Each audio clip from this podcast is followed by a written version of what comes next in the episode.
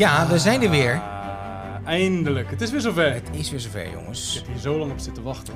Is dit nou uitzending 2 of 3? Want we hebben natuurlijk een pilot opgenomen, Ronald. Dit is formeel uitzending 2. Aflevering. Ja, precies aflevering 2. En eh, ja, het is de derde opname. Het is de we derde opname inderdaad die we maken. Hey, hoe is het met je? Ja, heerlijk. Nou, eh, ik... eh, ja, goed. Het is hier vrij warm waar wij nu zitten. Eh, ik moet een graad of 40. Het is hier zeker. Ja, het is een graad of 40 ehm, ehm, Celsius. Celsius, inderdaad. We zitten Celsius. Nee, het is hier inderdaad 40 gra- Het is hier echt onvoorstelbaar heet. Ehm, nee, maar het gaat goed. Ja, leuk. Ja, ik heb genoten van vorige keer. Ik vond het leuk. Leuke, nou, leuke reacties van mensen en zo. En eh, ja, en we zijn natuurlijk, we hebben een Hives pagina gemaakt. Ja, we staan er weer op Hives. Ja. Ehm, eh, en dat, dat wordt echt onwijs veel bekeken. Wat, wat zijn ja, we hebben een enorme Hives pagina, ja, precies. Dus, eh, dus we zijn ook daar te vinden tegenwoordig. En, eh, en die kunnen, we- mensen kunnen natuurlijk nog steeds briefkaarten ins- insturen. Ja, voor, zeker, zeker. En we, hebben, we hebben best wel wat reacties. reacties gekregen weer. En ja, nou, onder andere via Hives. eh, die zullen we dan niet, eh, niet, niet helemaal gaan doornemen. Die kun je gewoon ook zelf lezen, hè, als je even de pagina En- erbij pakt op Instagram. Eh, en we hebben ook eh, luisteraars weer uit nieuwe delen des werelds. hey, vertel. Eh, Zweden. Zweden. Ja, zeker wel. Eh, ik wil alleen maar zeggen tak. En dan zeg jij? Dag sneller. Tak sneller. Oké. Hey, en, maar hoe heb jij, eh, hoe, hoe zit jij erbij? Behalve zit deze er- onverziet, alles verzengende hitte. Ja, maar dat, dat past ook misschien wel bij het eh, thema wat we zo meteen nog over gaan hebben, jongens. Ja, want we hebben weer een hoofdthema van Oh, Jan oh, toegespeeld oh, oh, gekregen. Hey, maar dat was ook even zweten, hè? Zo, potverdikkie. In onze gezellige omgeving is het toch wel een serieus onderwerp. Ja, dit is even. Hè, we hebben natuurlijk hier en daar wat luchtige niemendalletjes eh ten tonelen eh, eh, laten komen. Ehm, gebracht. Maar eh, nee, dit is een wat, eh, wat, wat, wat pittiger onderwerp hoor. Eh, zeker. Zwaar, zwaar onderwerp. Ja. Eh, nou, we gaan daar zo nog eens even over spreken. Dan wilde ik jou nog even één eh, vraag stellen. Want dat is toch wel eventjes weer belangrijk voor de luisteraars eh, thuis. Ja, En nou, in, de en in de bus. Mhm, mhm.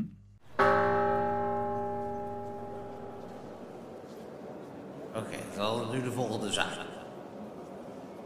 Ronald Potpourri. Bent u, even kijken, bent u historicus? Nee. Oké, dat is duidelijk. Simon Potpourri, bent u historicus? Nee, ik ben geen historicus. Oké, dan is dat bij deze klaar. Oké, dat is duidelijk. Volgende zaak. Laat Maarten Luther binnentreden. Oh, eh, twee kaasknappels. Nou, dat is dan duidelijk, hè? Dan is dat even gezegd. Ja. Eh, nee, we zijn dat inderdaad niet. Dus eh, we doen ons best om, eh, nou ja, hè, we, we, we, we duiken in de bronnen. Ja.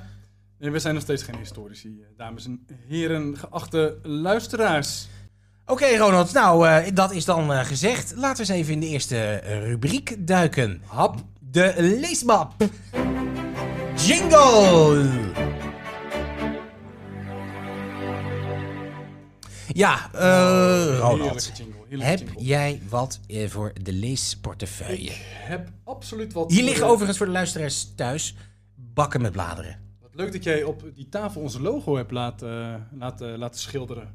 Ja, nee, dat klopt. Ehm, ja, ik probeer een beetje de ambiance eh, hier erin te brengen. Heb jij iets uit deze waaier geplukt? Of heb jij eh, van een andere bron een, ehm, eh, iets leuks? Ik heb van een andere bron iets leuks. Simon, Oh, ik heb iets voor ons, Ja? voor ons allemaal. En dat is echt te mooi voor woorden. Ja? Ik heb iets ontdekt op YouTube. Dat is een, een online Ja, eh, videokanaal. Ja. Ken jij nog uit de jaren 80, onze jeugd, Ja. het televisieprogramma Ontdek je plekje? Jazeker.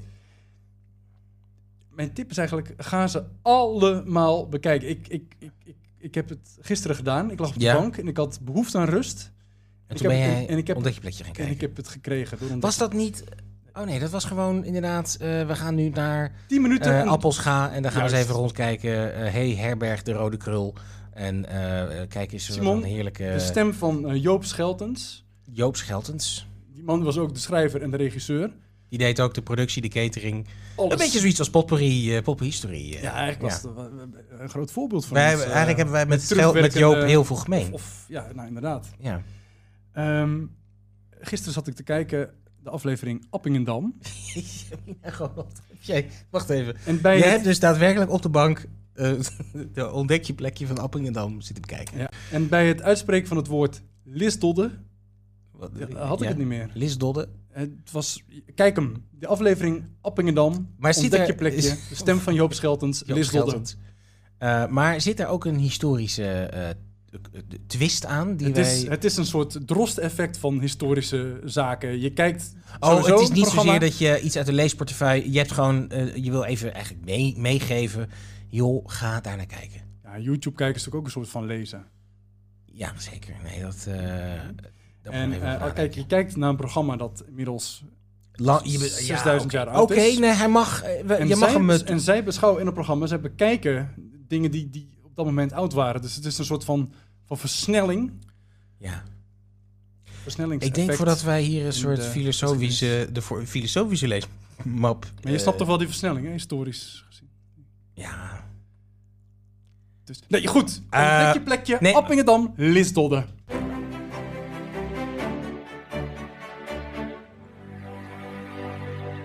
Ronald, wat hebben we binnen... We hebben iets binnengekregen. Ja, we hebben nog iets binnengekregen. Dat is een heuse postbrief, Simon.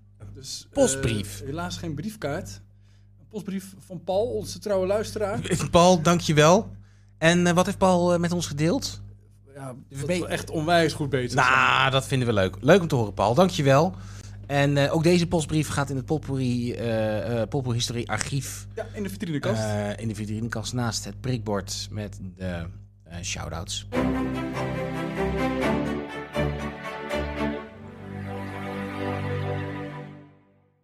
Oké, eh, nou, dat was weer eventjes een eh, verfrissende ja, onderwerpje voor in de leesma- le- ik, ik heb wel die, het idee dat ik nou die waaier van magazines, waar ik 3,5 minuut mee bezig ben ja, geweest, die moet je weer even in je lederen schooltas mee die zal, ik weer, die zal ik weer zo meenemen. Zoals, zoals de vaste luisteraars van toch al dik twee afleveringen Mhm. weten, is dat wij even met Jan bellen. En die geeft ons dan huiswerk voor de volgende podcast. En dat is dan het hoofdonderwerp. En dit keer was het hoofdonderwerp. eh, Ronald, wil jij even op de rewind-knop even, drukken? eh, terugspoelen. Ik ben eigenlijk heel nieuwsgierig naar, naar wat is nou de waarheid achter, achter eh Raymond Westerling. Daar, daar, daar ben ik wel eens nieuwsgierig naar en ik ben echt heel nieuwsgierig of jullie daar een heel mooi verhaal over kunnen vertellen over die Raymond Westerling. Ja, zeker. Zeker, zeker met, met het oog op het, eh, op het verhaal van, eh, als, je, als je erover nadenkt, het verhaal eh, van, van, van de Oost en het, natuurlijk die alle ophef die daarop op, op ontstaan is. Dus eh, ik ben eens benieuwd wat jullie ervan vinden. Juist, ja, ik kijk, weet het Dat weer. was dus wat hij ons mee heeft gegeven. Nou, wij zijn ermee aan de slag gegaan.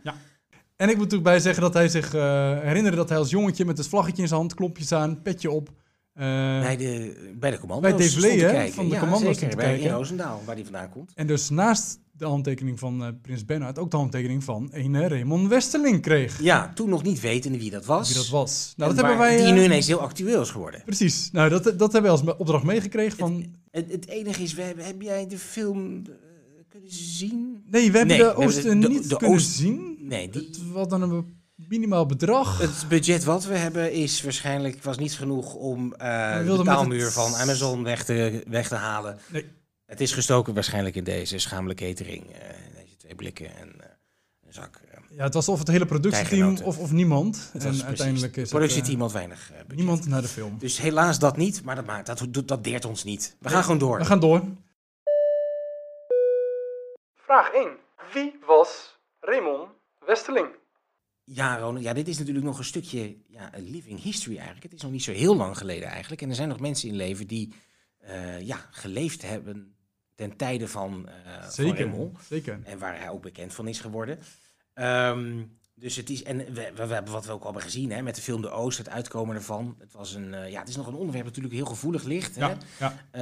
Eh, we merken het ook met het uitzoeken hiervan. Het, is, ja, het is een stukje pittige Er zijn Nederlandse veel meningen over deze man. Veel verschillende Ja. meningen. We beginnen we- om te zeggen wie hij was. Nou, het was eigenlijk een, een, een Nederlandse militair, een knilmilitair, die ehm, na de Tweede Wereldoorlog eh, was er in, eh, ja, was het in Indonesië, wat toen nog natuurlijk gewoon nog de kolonie was, hè, de Oost.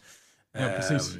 Ja, dat was natuurlijk eh, was een soort machtsvacuum. De Japanners capituleren. Ja, precies. En ehm, ja, de Britten die zaten in de buurt. Dus dachten, wij passen hier op de boel. En die hadden posities ingenomen. Ja, ja, en toen, ja, toen ont- ont- ont- ontstond er een periode van, van onrust, hè, de Bersiap. Ja. Weet jij nog een beetje, kan je nog een beetje vertellen wat, wat daar precies, wat dat is, wat er, wat er toen gebeurde in Indonesië? Ja, die Bersiap, dat was, eh, die ontstond eigenlijk direct na de capitulatie van de Japanners. Hè. Ehm, er waren jongeren, revolutionaire jongeren, eh, die ehm, eigenlijk Sukarno opriepen om de onafhankelijkheid uit te roepen van Indonesië. En eh, nou, dat deed hij ook. En toen stonden er overal in dat voormalige Nederlandse koloniale eilandenrijk ontstonden overal kleine revoluties.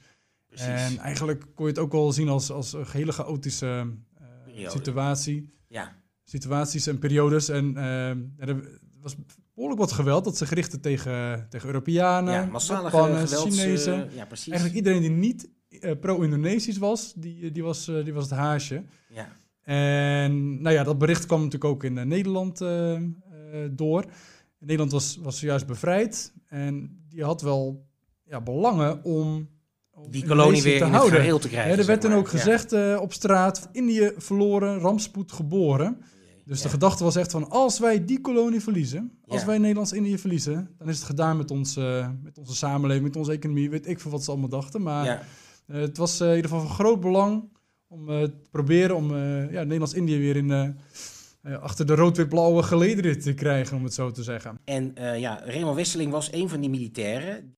Hij meldde zich aan bij de, eh, in, in de Tweede Wereldoorlog. Nou, hij meldde zich aan bij de Prinses Irene Brigade Ja, in En- Engeland. in Engeland. En eh, nou, zijn eh, nou ja, vrij gevochten geest was daar zeg maar niet helemaal op zijn plaats. En toen ging hij eh, aan de slag bij de ja, soort van nieuw opgerichte Britse eenheid de commando's. Ja. En hij viel daarbij op bij zijn opleiders en werd daar instructeur Unarmed Combat en Silent Killing. Nou, en hij is ook nog in 44, oktober 44, in het bevrijde zuiden, heeft hij daarmee eh, vrijwilligers opgeleid hè, om die skills bij te brengen. Het was natuurlijk nog gewoon een land in oorlog op dat moment. Ja. Nou, en toen, ehm, eh, na de oorlog, toen dus die eh, ja, onrust in de, zeg maar, de kolonie, even vanuit het Nederlands perspectief van toen, hè, dat dat daar was, is die naar eh, de tweede helft van de jaren 40 naar Zuid-Celebes gestuurd. Ja. Ehm, om daar zeg maar namens Nederland met eh militairen eh weer orde Ja, te die revoluties inderdaad, het onderdrukken. Hè? Ja, precies. En wat, er, en wat er vervolgens daar gebeurd is, daar is hij nu dus bekend om geworden. En waarom, en waarom we hem nu dus nog steeds kennen. En waarom die ook in die eh, film terecht is gekomen. Ja. Dus als eh, Ja. hoofdkarakter, zeg maar. Vraag 2. Waarom is hij bekend geworden? Nou, dat is heel toevallig dat hij net... We, we, pakken hem gewoon op bij het vorige stuk. Ongelooflijk. Dit, dit wilde ik namelijk net vragen aan jou, Ronald. echt zo'n makkelijk tentamen. Dit is dit tentamen. Ik heb ook de antwoorden voor me. Het is Het is onvoorstelbaar. een open boek tentamen. Het is een open boek tentamen. en ik mag gewoon weggaan als ik wil. En ik mag... eh, Mag hem ook thuis maken. Heb jij zo'n koffiebriefje op je dingen? Dat was koffie of thee. Had jij dat ook? Moest je zo'n briefje omheen omflappen? Nee, wij moesten allemaal om de beurt heel hard schreeuwen wat je wilde drinken. Dat was die tijd nog. Maar later is dat, zijn het briefjes Had jij ook op je rekenmachine beetje- antwoorden geschreven? Nee, maar als ik lol plus lol deed, Ja, hihi. dan kreeg ik... Ja. Ja. Hey. Ja, ja, ja, oliebol. Ken je die ook nog? Nou zeg. Ja, nee, dat was... eh, ik weet niet welk cijfer het was. Nou, anyways, vraag 2. Waar is hij nou eigenlijk bekend om geworden? Hè? Waarom hebben we het spe- over specifiek deze persoon? Ja, nou, dat heeft echt te maken met zijn tijd in, eh, in Nederlands-Indië. Ehm, in zijn eh, tijd als eh, militair daar. Ehm, En de manier waarop hij dat heeft, zeker. heeft aangepakt. Hè? Ja. Hoe hij zijn opdracht heeft uitgevoerd, zeg maar. Ja, ja zijn, zijn methodes om orde te herstellen waren Ja. erg hardhandig. Ja, precies. Nou, daar zullen we het zo over hebben. Hij komt in ieder geval na de oorlog via, dus, via Colombo komt hij in Sumatra terecht. En daar krijgt hij als eerste opdracht om daar eh, de orde te herstellen. En doet hij rondom de stad Medan. En doet, eh, gebruikt hij wel echt ja, afwijkende methodes voor. Eh, hij gaat bijvoorbeeld infiltreren bij revolutionaire groepen hè, die actief zijn bij de, bij de Bersiap. Ja? En nou goed, hij valt daarop en ehm, hij wordt op een Als, gegeven effe- moment... als effectief gezien, geloof ik. Hè? absoluut, ja. En nou, op een gegeven moment moet hij naar Batavia. En daar wordt ehm, een ja, nieuwe, nieuw legeronderdeel eigenlijk opgericht. Oh, dat ja. is het eh, Depot Speciale Troepen, DST, ja. het DST. dat onderdeel, dat legeronderdeel, dat kwam onder zijn leiding te staan. Ja, En ehm, met zijn ervaring natuurlijk ook als eh, opgeleid, eh, opgetraind eh, commando, ja. nou ja, zij hebben de orde hersteld op Zuid-Celebes. Ja, ik, eh, heb bege- eh, heb ik, nou, ik heb natuurlijk mijn lijfblad, het historisch nieuwsblad. Daar Ah, staat ook een tuurlijk. uitgebreid verhaal over hem in. Ja, Wat ik onder meer heb gelezen was dat in eh Batua, als ik het zo goed uitspreek, een kampong ten oosten van Makassar, werd in de nacht van eh, eh, 11 eh, op 12 december 46, nou dat was als eerste aan de beurt zeg maar. Mhm. Eh, daar, ja, wat je dan leest is dat de mensen bijeen werden gedreven. Eh, die moesten eerst luisteren naar een soort van toespraak van hem of van iemand anders, hè, om een soort van, eh, ja, die was, gericht om, om die terreur daar te breken. ja, Nou ja, vervolgens werden de, de vermeende dader eruit gepikt. En Ja, moesten ja. dan een naam noemen. En als het dan was van wie ze dachten dat ze moesten hebben, dan werden ze eigenlijk zonder proces standrechtelijk geëxecuteerd. ja, ja, ja. En die, ja, dat was natuurlijk verschrikkelijk. Hè? En vervolgens werd er ook een kampongwacht aangewezen. Als ze dan daar weer weggingen, van nou, jij moet eh, toezien op de ordehandhaving. En, eh, ja, dus het was een soort van voorbeeld stellen. eh, ja, die mensen, dat, dat- ja, dat is natuurlijk verschrikkelijk als je dat zo leest. ja. En ehm, eh, in, in dat artikel staat ook dat er ongeveer 3500 doden in een paar maanden volgens de officiële eh, zeg maar, bronnen zijn gevallen. Mhm. En ehm, nou, achteraf is dat dus de pacificatie van Zuid-Celebes genoemd. Ja, Westerling die had zo zo'n methode om zo'n kamping dan te omsingelen. En dan wist hij ook weer via, zijn infiltratietechnieken, wist hij dan heel snel bij de leiders van zo'n kampong te komen. Nou goed, die staat dan op een website van de Nederlandse krijgsmacht dat die, eh, nou ja, eh, de, Met zo goed ging. eh, ja, identificeren wie de daders waren van bepaalde, bepaalde zaken. En hij las dan ook voor wat ze op hun geweten hadden. Maar goed, feitelijk speelde hij dus zowel OM, rechter, als, als bul, hè? die, die methodes en alles wat er gebeurd is, dat is vandaag de dag alsnog steeds een eh, ja, heel gevoelig eh, onderwerp natuurlijk. Ja. mensen die daadwerkelijk ook natuurlijk eh, diensten hebben gezeten daar in Indonesië. Ja, ja. De, de nabestaanden, hoe mensen er tegenwoordig naar kijken naar de hele situatie. Van waarom is dit niet breder bekend binnen de Nederlandse geschiedenis, hè, klopt. et Nou. Dus het is, een, ja, het is van alle kanten een ja, heel ingewikkeld onderwerp. Ja, als je, soms, do- sommige documentaires zie je oude strijdmakkers, hè, die nog steeds pal achter hem staan en achter zijn daden ook.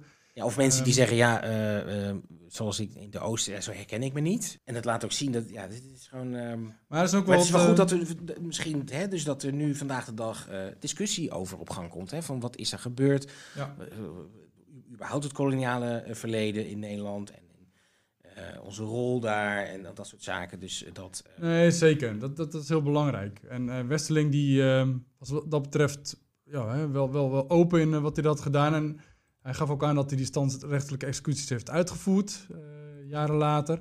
En ook dat hij daar verantwoordelijkheid voor heeft eh, genomen. Ja, want zijn, dochter heeft ook in een interview bijvoorbeeld gezegd van... Ja, mijn vader zei altijd een zuivere nationalist, heb ik altijd gerespecteerd. Maar terreur, dat accepteren we niet. Zo, dat was voor hem, zeg maar, eh, Dat is een uitleg om... om- ja, uitleg om ja, zo op te treden, zeg maar. ja. Toen de onafhankelijkheid steeds reëler werd en heeft hij zichzelf benoemd. Hij zat daar nog in, in Indonesië. ja. eh, tot leider van de organisatie met de naam Beweging van de Rechtvaardige Vorst. Mhm. En eh, toen heeft hij eh, in 1950, vier weken na de Nederlandse soevereiniteitsoverdracht aan Indonesië, ja. heeft hij nog geprobeerd een soort van ja, staatsgreep te doen daar. Ja, dat, ja, een soort van vervolg, dat kwam er niet. En er was geen en rekenen nog op de veldpolitie, de sultan van Pontiac. Nou, dat lukt allemaal niet. Ja, en nou goed, dat heeft natuurlijk ook. Dat is ook mede waarom we nog weten wie hij is. Dat was natuurlijk ook, eh, ja, Hij bleef volharden om, om, om Indië te proberen bij Nederland eh, te krijgen. op Te- een te houden, ja, ja. te houden, ja. ja. Oké, nou, dat was eh, vraag 2. Ja, dit, dit is gewoon eh, stevige materie. Nee, dat was inderdaad vraag 2. het is even tijd voor, een, eh, voor iets anders. Dat was nee, dat was niet de jingle. De, de jingle, we hebben toch voor de shout-out... Eigenlijk hebben we voor alles dezelfde jingle. Dat, Ja, maar de woep woep wil ik er graag in.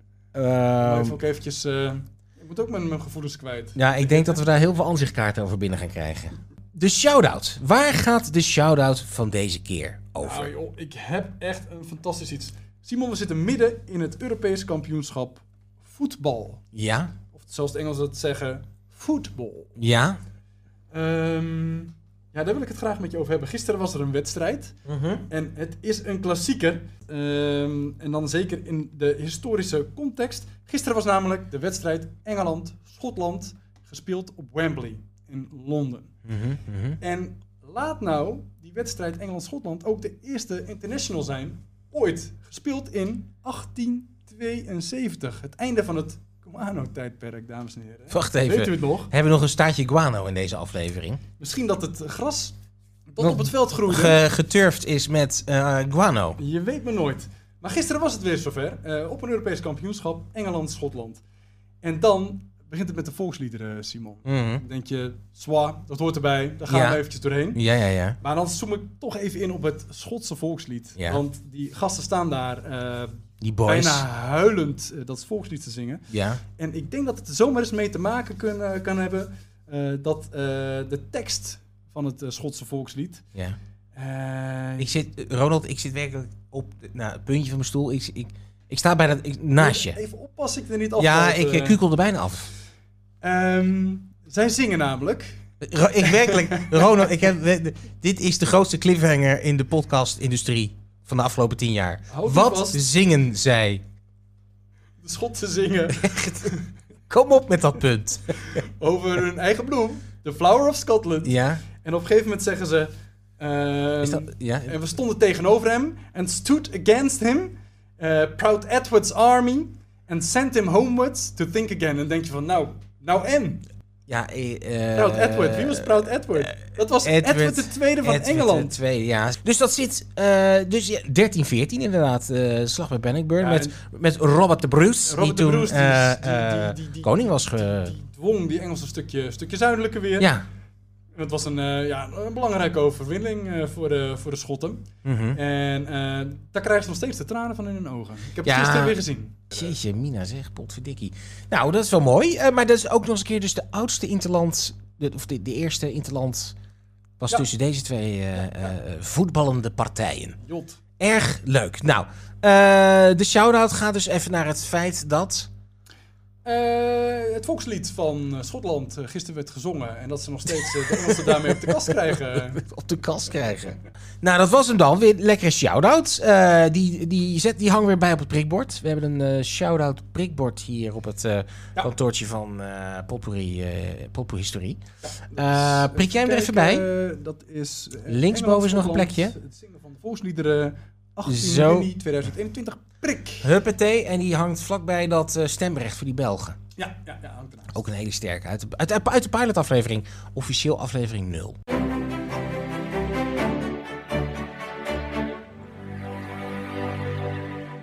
Oké. Ah, dat was even een goede afwisseling, Simon. We hebben nog een paar vragen openstaan. Voor, Eh, over? Raymond Westeling. Remel Westeling. Eh, we pakken hem weer even op. Vraag 3. Hoe is het eigenlijk met hem afgelopen? Ja, nadat hij dus die staatsgreep had gedaan, moest hij dus... eh, misschien weten we het nog net, eh, beste luisteraars. Ja, na een staatsgreep moet je maken dat je wegkomt. Dan moet je weer maken dat je wegkomt. Zeker ja, als die niet lukt, zeg maar. Eh, dus ja, hij is toen gevlucht naar Singapore. Ja. Daar heeft hij eh, zes maanden ja, is hij vastgezet door de Britten. Ja. En daarna is hij, ja, wilde, hij wilde naar, terug naar Europa, naar Nederland. En is hij naar België gegaan. Daar heeft hij, als ik de bronnen goed heb gelezen, twee jaar ballingschap nog gehad. En toen is hij uiteindelijk eh, in Nederland weer terechtgekomen. Maar hij is eh antiquair geweest. Maar jij, hebt- jij hebt ook nog iets eh, gevonden over hem. Ja, zeker. In 1955 was hij actief in de Nederlandse politiek en hij was medeoprichter van de Nederlandse Conservatieve Partij. Maar is hij is, is, is die daarin geslaagd of zo? Heeft hij daar nog iets... Nou ja, ik heb er eigenlijk nooit, ik heb er zelf nooit eens over gehoord. Ik heb er ook weinig Nee, over hè? kunnen vinden. Ja, maar ik weet ja. ook dat hij, ehm, eh, dat hij een, op een gegeven moment een, een- een Duits schip koopt. En eh, daarmee wilde hij naar Ambon. Om zich daar te mengen in een eh, gewapende strijd. Maar dat schip werd aan de ketting gelegd. dat ging niet weg. Ja, dat ging niet weg. Ja, en dat was eigenlijk zijn laatste ja, letterlijke wapenfeit. Of, of poging tot wapenfeit. Ja, precies. Ja. Ja, vervolgens de tijd verstrijkt. Hè? Eh, Mhm. Nou goed, mensen krijgen sowieso een andere houding ten aanzien van het kolonialisme. En, eh, maar in de eind jaren 60 was er een tv-programma waarin een psycholoog, Ja, Joop Huting. Joop Huting, eh, ja, die had ook daar, ook daar gediend. En ging zeg maar zo en plein publiek Ja? eh, op tv vertellen over wat hij daar had meegemaakt. Ja, en in, in al die jaren daarna, zo kwam ik ook nog een eh, artikel tegen in de Telegraaf, waarin die zeg maar, ja, van leertrek tegen Lou de Jong, Ja. de bekende Lou de Jong, Ja, precies. die ook over die hele tijd had gepubliceerd. En eh, ja, waarin die zichzelf probeerde te verdedigen van ja, wat, wat ik daar gedaan heb was in het eh, belang van. Ja, ja. Dat was ook met een bepaalde reden, wat we net ook zeiden, hè, van eh, ja, zulk eh, excessief geweld tegen de bevolking, dat moeten wij... Hetzelfde soort manier beantwoorden. ook. ja, van terreur, dat moet Ja. je met een soort contra-terreur beantwoorden. Anders kan je daar niet... dat was ook zijn, zijn methode, hè? de, Ja, de contra-guerrilla. Dus, eh, maar in die jaren daarna is die dus, eh, heeft hij dus vaak een soort van ja, moeten verdedigen, als het ware. Ja, hij werd altijd beschuldigd van oorlogsmisdaden natuurlijk. En, Ja, ehm, nou, maar hij is dat- nooit, nooit als zodanig veroordeeld. Zo, en hij vond dat geen goede benaming. Hij gaf altijd wel toe van, eh, dat hij meedogenloos te werk ging en, en keihard.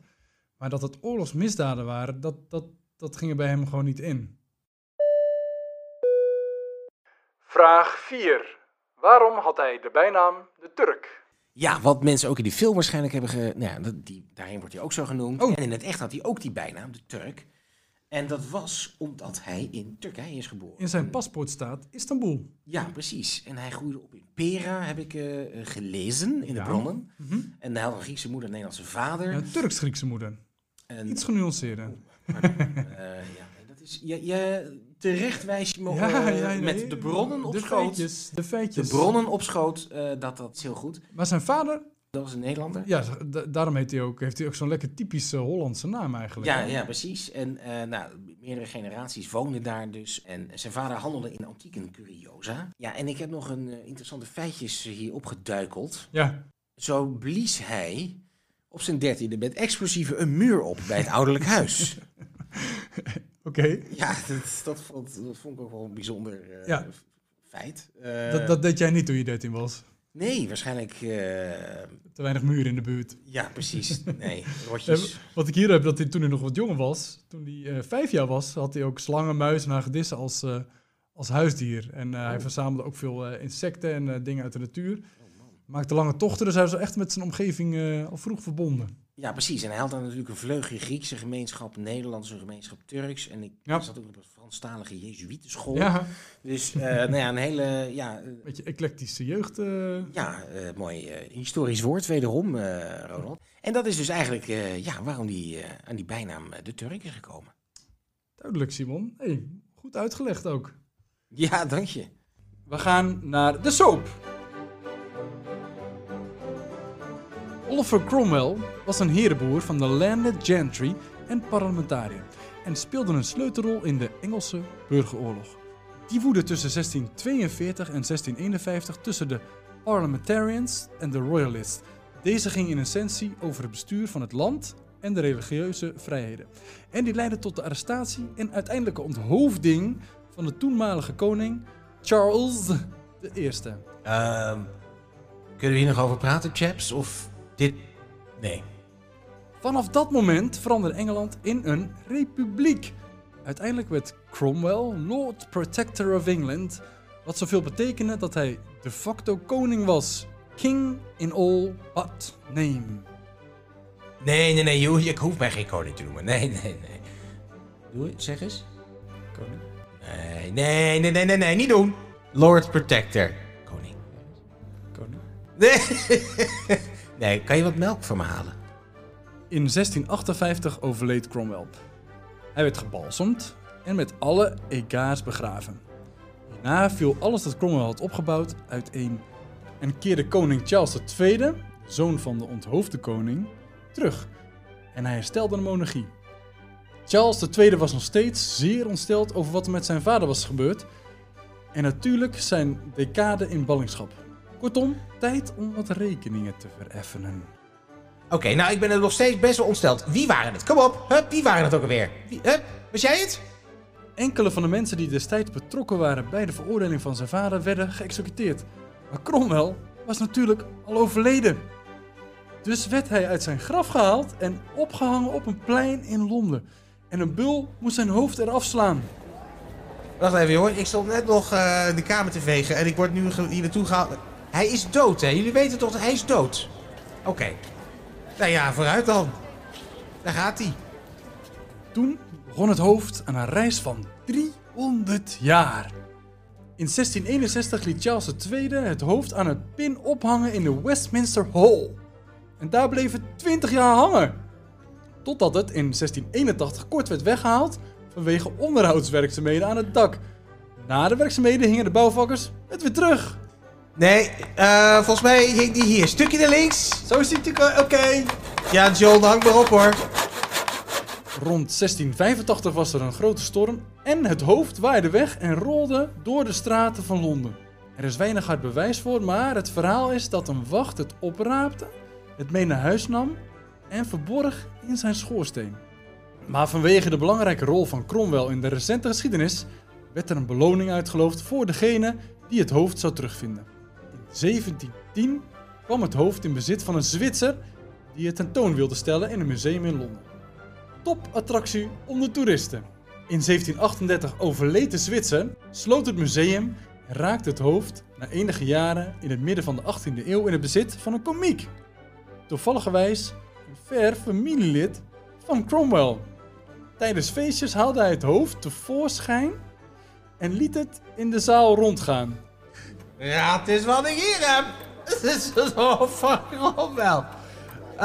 Laten we eens even rondgaan. Eh Paulien, hup, jij bent de eerste. Eh, wie, wil, heeft eh, wie wil er nog sherry? Eten voor oesters? Hierdoor raakte het hoofd beschadigd. Vervolgens wilde hij het hoofd verkopen aan Cromwell's oude college in Cambridge, Sydney, Sussex. Maar die wilde het niet. En het werd verkocht aan een speelgoedmaker. Die het in 1799 voor veel winst verkocht aan drie broers die het hoofd wilden gebruiken in een nieuw museum in Londen. Kijk nou joh, dit hoofd. Zet er een kaartje onder. Het kwam uiteindelijk in bezit van een van de dochters van de broers die het af en toe liet zien aan haar gasten. In 1815 werd het verkocht aan de familie Wilkinson. In 1930 werd er een rapport geschreven waaruit bleek dat dit inderdaad zijn hoofd bleek te zijn. Op 25 maart 1960 werd het hoofd in een doos geplaatst en begraven op het terrein van Sydney Sussex College in Cambridge. Oké Simon, het laatste Ronald, stukje Raymond ik zit Westeling. werkelijk... Oh man, dit onder, het, is een, het is een zwaar onderwerp. Het is een pittig onderwerp. En, Met eh, deze hit in deze ruimte, ik denk dat we nu... nou ja, eh, eh, Ik zie alleen nog twee oogballen drijven in een plasje Simon. Zo heet is het. Ja, het is onvoorstelbaar. Oké Simon, de laatste vraag over eh, Raymond eh, Westeling. Eh, Ja. die luidt als volgt. Vraag 5. Welke opmerkelijke carrière move heeft Raymond na het leger gemaakt? Ja, Raymond Westeling. wat... Hij nou, heeft... met het verhaal wat we net al ja, allemaal gehoord hebben. Hè? We, ja, we hebben doen ons best om zo Mag jij bij de bron te drie keer raden Eh, ik mag drie keer raden. wat hij daarna is geworden? We hebben het dus al over zijn politieke carrière gehad. Zijn pogingen nog om... eh, nou ja, en, en hij, hij is natuurlijk ook nog antiquair geweest. Ja, ja Eh, zeker. eh, heeft het misschien iets met zingen te maken? Nou, ongelooflijk. Ja, is... Jij hebt je huiswerk gedaan. Simon, laten we eens even luisteren naar een fragment.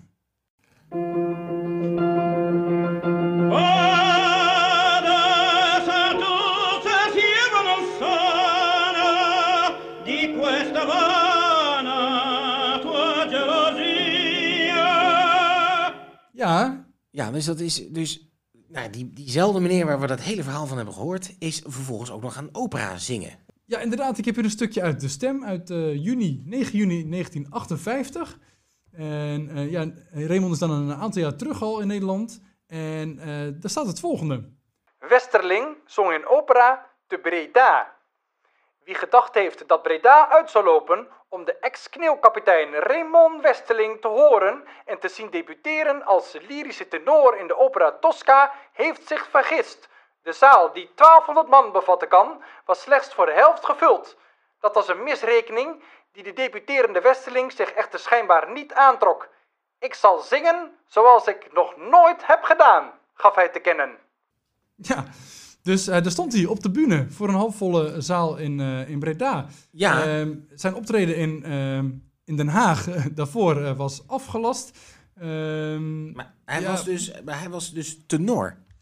ja, hij was op een gegeven moment ontdekt door, en dat weet jij, Koen Ruivenkamp. Koen Ruivenkamp. Leidschendam komt hij vandaan. Ja, En ja, die, nou, daar heeft hij enkele jaren zangles van gehad. Ja. En ja, dus dan ging hij, en hij maakte dus een debuut in de Bredaanse opera. Nou ja, jeetje, maar, maar dat is het hele eh ja, verrassende, carrière- ja, verrassende carrière Maar move. goed, maar goed, de zalen zat er niet vol. Ehm Ja. Optredens werden afgelast in Den Haag bijvoorbeeld. En toch blijft hij nog even een tijdje zingen. Want ik heb er ook nog een krantenstukje uit 1962. Ja, is weer dat is vier een stukje, jaar eh, later. Een paar jaar later, ja. ja. En dat zegt, Rijk blijft zanglessen van Westerling betalen. En Oh ja. ehm, nou ja, er werden in Den Haag werden er eh, vragen gesteld over het budget dat eh Raymond Westerling kreeg om zanglessen te nemen. Oh, serieus? Dat staat in het kantartikel. En de staatssecretaris die moest zich echt eh, ja, verantwoorden. Verantwoorden daarvoor. Ja, ja, Voor het budget van de zanglessen. ja, maar die zei, eh, dat was staatssecretaris eh, Scholten.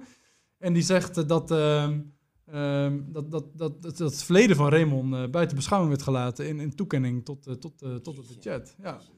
Jeetje, Ronald. Nou, ik denk dat we wel met alles wat we zo voorbij hebben zien komen. Ja, we hebben, we hebben uitgelegd voor Jan eh, Ja. en de luisteraar wie Raymond eh ik, hoop, nu ik, eigenlijk is. ik hoop dat we een beetje. En nogmaals, ja, het is ook een, eh, hè, lastig om. eh, het is een beladen, beladen figuur natuurlijk. Precies, in de hele historie. Ja, we hopen dat we het een beetje goed hebben eh, uitgelegd. Ja. Eh, in, onze research Ja, afdeling. deze, de- eh, deze gaat eh, weer naar Jan, die kan hem beoordelen. Oké, Simon. Simon, het kanon. Ronald het kanon, laat het maar bulderen. Nou, jij Zo. had er eentje, geloof ik. Wacht even, ik moet even mijn bril opnieuw op mijn neus zetten. Want dat kanon dat heeft... zweet. Nou, dit, nee, het was een kanon. Eh, deze keer voor in het kanon dat we opdragen is het volgende. Ehm, de, ja, het koninklijk spijkerpoepen van, eh, oftewel de, de, de, de activiteiten die eh, waren op de Koninginnedag van 1983 in Lochem en Vaassen. Die bestonden namelijk uit volksdansen, accordeongroepen, oude ambachten, muismeppen en stokvangen. Hoeveel kanonschoten krijgt dit historische gegeven? Komt die vuur. Nou, dat is duidelijk. Nou ja, dat ene schot was wel eh, een beetje overdreven. Maar bedankt, eh, Simon. Alsjeblieft.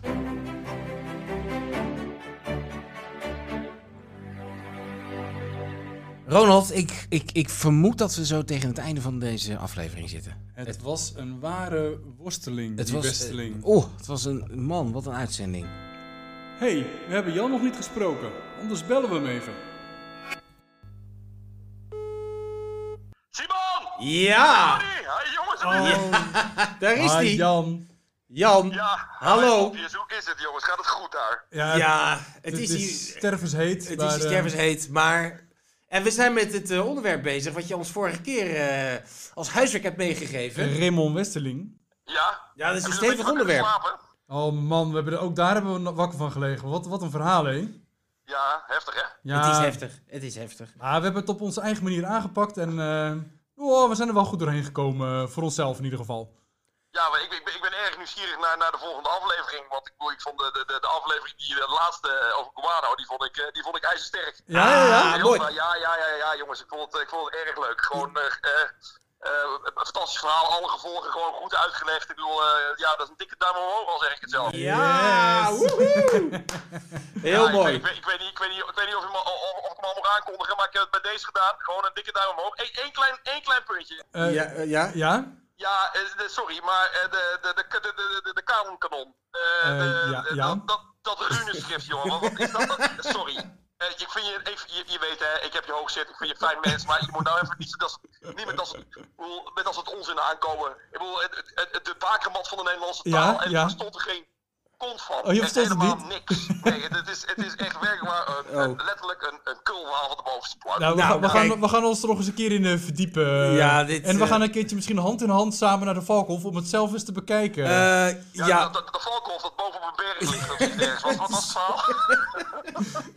ja het was, eh, ik was gewoon heel geëmotioneerd op dat moment. Ik weet het niet. Het klopt niet helemaal. Nee, nee. Nee, ach, ach joh, joh, eh, weet je, maar daar, daar, daar heb je mij voor. Ik, ik, dat, dat, dat, dat, dan ga ik wel even fact, fact checken. Maar dat maakt niet uit, Exact. geeft helemaal niks. Hey, en eh, Jan, wat is eh, jouw volgende opdracht voor ons? Voor volgende aflevering? Ja, ja, nee, dat is een goeie. eh, want ik, ik, ik zat op een gegeven moment was ik een beetje op zoek naar historische parallellen. En nou ja, goed, jullie hebben natuurlijk onderzoek gedaan naar Raymond Westerling. Ja. Beter bekend als de Turk.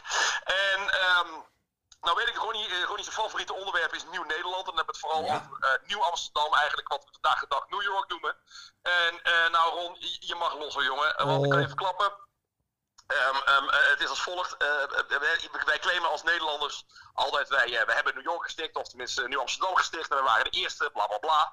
Maar was dat werkelijk wel zo? Je moet je voorstellen dat de eerste mensen die woonden op de plek waar wij New York, of dat nu New York noemen, dat waren Belgen. Dat waren Walen. Daarbij kwam ook nog eens een keer dat vrij snel daarna ja, vestigde zich daar een zekere Anthony van Saleh. En je raadt het al, zijn bijnaam was, jawel, de Turk. En dat brengt mij bij het, bij het onderwerp, want ik ben er nieuwsgierig. Russell Shorto, jou wel bekend, die heeft op een gegeven moment een boek geschreven over eh, de stichting van Nieuw Amsterdam. Zeker. En in zijn boek claimt hij dat ehm, de huidige eh, New Yorkse tolerantie, ja, dat die terug te voeren is op de Nederlandse tolerantie zoals die daar is ingevoerd in de 17e eeuw. Ja, ja. En eigenlijk zegt hij, nou ja, min of meer een klein beetje van, nou ja, de Nederlanders staan eigenlijk aan de ja, bakermat van die American Dream. Met andere woorden, het is een beetje een Nederlandse uitvinding, zegt hij ook. Aha. Dus ik ben wel eens benieuwd wat daar waar van is. Met Ah. andere woorden, eh, eh, eh, hoe zat dat met dat nieuwe Nederland? Eh, is dat inderdaad, hebben wij daar echt zo ongelooflijk hardnekkig onze culturele sporen nagelaten, dat eh, er werkelijk sprake is van Dat een is- Nederlandse ja. bodem voor wat we vandaag de dag een van de machtigste van de wereld noemen, Dat- de Verenigde Staten en Dat, New York. dat is een interessante vraag, Jan. Zeer eh, leuk. Ja, mooi onderwerp, eh, Jan. Ik heb tranen in mijn ogen. Eh, dit onderwerp al zo vroeg in onze carrière. Ik zie die ogen werkelijk, die, die, ja, die parelen van trots. Hier Ja. gaan we mee aan de slag. Wij gaan, eh, wij gaan weer eh, de boeken induiken. Nou, hartstikke mooi boys, daar ben ik heel gelukkig mee. Dan ga ik, eh, ga ik even terug, eh, terug, eh, terug de repetitieruimte in. Ja, is goed. Zeker. Want ik eh, was aan het repeteren met mijn, met mijn liefstallige band, dus wij gaan, even, wij gaan even, even nog een beetje muziek maken. Hey, veel En dan, plezier, eh, jongen. Dankjewel, Ja. dankjewel. En dan eh, gaat jullie eh, Pierre Wind van de geschiedenis, die gaat afscheid nemen. En dan eh, spreken we elkaar later. Jan, bedankt. Hoe gaat het met je aan het einde van de aflevering? Ja, het het eind van.